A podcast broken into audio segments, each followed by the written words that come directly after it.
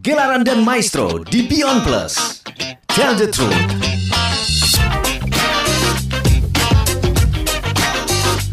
Halo apa kabar Sobat Musik, saya Heru Cahyono Menemani Sobat Musik kembali dalam Gelaran dan Maestro di Beyond Plus Oke, Gelaran dan Maestro di Beyond Plus kali ini akan membahas tentang musik kontemporer Nah Sobat Musik, banyak sekali jenis-jenis musik yang kita kenal Misalnya jenis musik jazz, pop, klasik, rock, keroncong, seriosa, dan masih banyak lagi. Nah, salah satunya mungkin yang pernah kita dengar juga itu adalah musik uh, kontemporer. Tapi sebenarnya apa sih musik kontemporer itu? Nah ini buat uh, sobat musik yang punya jiwa seni pasti sudah mengetahui jenis seni musik modern yang sangat populer, yaitu musik kontemporer. Nah, musik kontemporer ini adalah jenis musik yang biasanya dimainkan tanpa menggunakan alat musik asli, tetapi alunan musik yang dihasilkan ini tidak kalah bagusnya ketika menggunakan alat musik aslinya. Nah, sobat musik, musik kontemporer ini pertama kali muncul di abad ke-19. Kemunculannya berawal dari suatu gerakan seni lukis impresionis. Kelompok yang membentuk gerakan tersebut adalah sekelompok pelukis dari Perancis yaitu Degas, Monet, Renoir, dan beberapa yang lainnya. Nah, musik kontemporer ini juga lazim disebut new music atau musik terbaru. Definisi musik kontemporer lainnya yaitu jenis musik yang baru diciptakan alias belum pernah diciptakan sebelumnya. Nah, seni musik kontemporer ini sering dianggap sebagai seni musik yang unik dan inovatif. Hal ini dikarenakan seorang musisi biasanya menggunakan gabungan dari bunyi tepuk tangan, kemudian berbagai gesekan atau bunyi-bunyi lainnya yang bisa dihasilkan oleh benda yang sering digunakan dalam kehidupan sehari-hari. Nah, itulah sekilas penjelasan tentang pengertian musik kontemporer. Lalu, apa saja sih unsur-unsur musik kontemporer itu? Nah, di antaranya ada beberapa jenis ya. Warna nada misalnya, ini kalau dalam musik kontemporer terdapat sedikit penekanan pada campuran suara. Selain itu, perkusi juga memainkan peran utama. Warna nada yang dihasilkan secara individu ini akan terdengar jelas pada jenis musik kontemporer ini. Selain warna nada atau tone color, ada juga harmoni. Jadi dalam musik kontemporer dikenal istilah polychord, di mana dua kunci nada terdengar pada waktu yang bersamaan. Nah, dalam harmonisasi musik kontemporer ini juga menggunakan empat kunci nada. Selain itu, musik kontemporer menggunakan tone cluster yang juga dihasilkan dari suara piano. Dalam musik kontemporer dikenal juga ada istilah uh, polytonality, yaitu penggunaan dua atau lebih kunci nada pada waktu yang bersamaan. Kemudian berikutnya adalah ritme. Ritme ini merupakan salah satu di antara unsur musik kontemporer yang paling mencolok. Kebanyakan ritme yang digunakan ini merupakan ritme yang membangkitkan semangat, dorongan, dan juga kegembiraan. Selain itu terdapat kelompok ketukan yang tidak beraturan. Dalam ritme musik kontemporer dikenal istilah polyrhythm, yaitu penggunaan dua ritme yang kontras dalam waktu bersamaan. Kemudian berikutnya adalah melodi ya. Melodi adalah tingkatan tinggi rendah dan panjang pendek nada dalam musik. Melodi dalam musik kontemporer dikenal memiliki range yang sangat lebar atau besar ya menggunakan 12 nada kromatik tanpa tonal center. Itu kalau unsur-unsur musik kontemporer. Nah, ciri khas dan karakteristik musik kontemporer itu apa saja sih?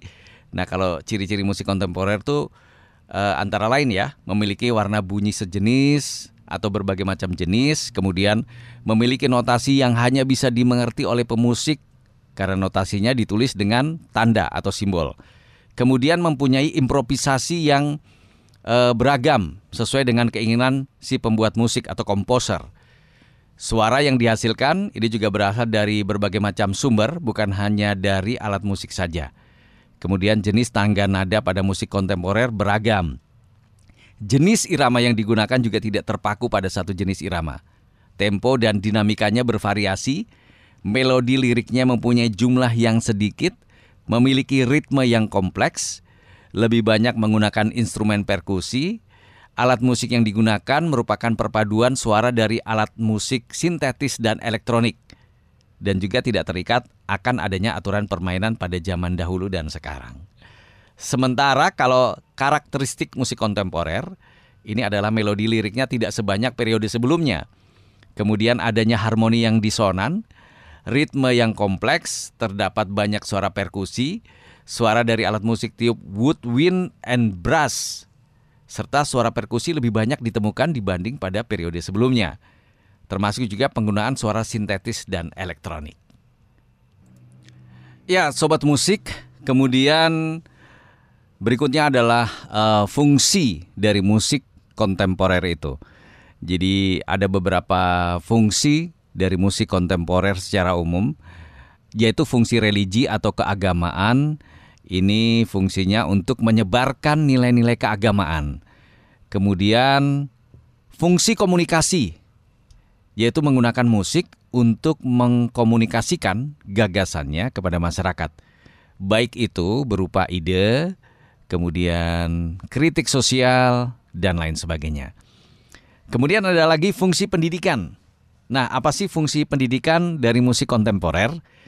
Nah, ini di setiap cabang seni pasti ya memiliki fungsi pendidikannya sendiri-sendiri. Nah, ini kalau dalam uh, musik grup atau yang disebut saja ensemble, ini memang diperlukan kerjasama tim agar musik yang tercipta harmonis.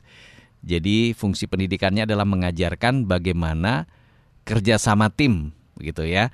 Kemudian ada lagi fungsi artistik, ya. Jadi dalam fungsi yang ditujukan sebagai media ekspresi seniman dalam menyajikan karyanya. Jadi musik kontemporer itu selalu menyajikan sesuatu yang artistik.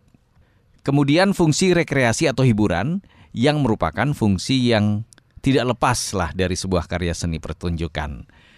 Sedangkan fungsi seni musik kontemporer secara khusus adalah aktualisasi gaya bermusik para komponis. Kemudian Fungsi seni musiknya ini sebagai bentuk ditemukan dan berkembangnya gramatika musik. Selanjutnya adalah mengembangkan jenis musik baru, baik yang berakar pada tradisi maupun tidak. Nah, itulah fungsi dari musik kontemporer. Nah, sobat musik, pastinya sobat musik juga pengen tahu kan uh, siapa saja sih yang uh, tergolong musisi kontemporer.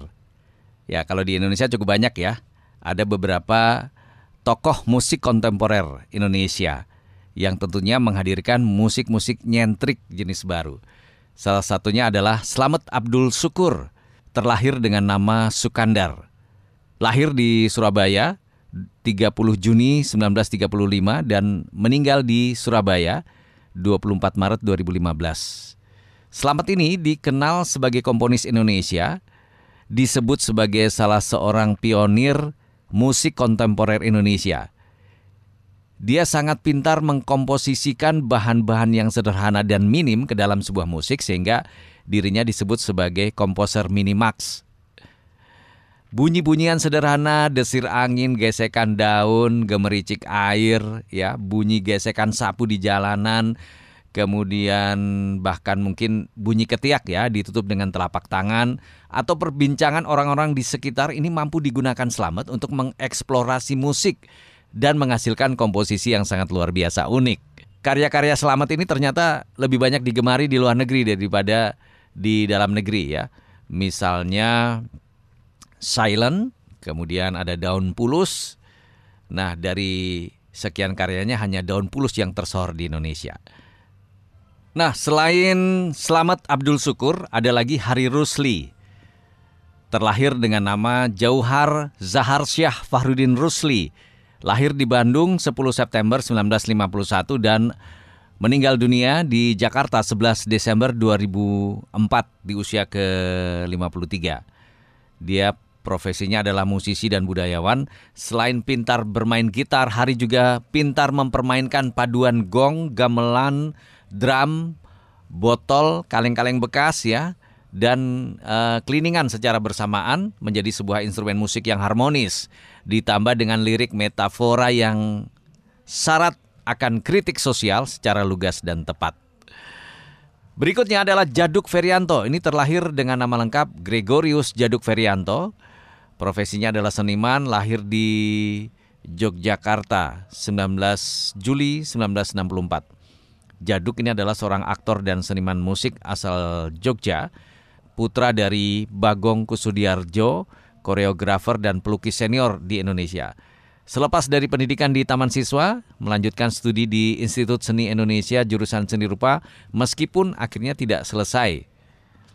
Nah, berkat kreativitasnya, Persatuan Wartawan Indonesia memberinya penghargaan sebagai pemusik kreatif.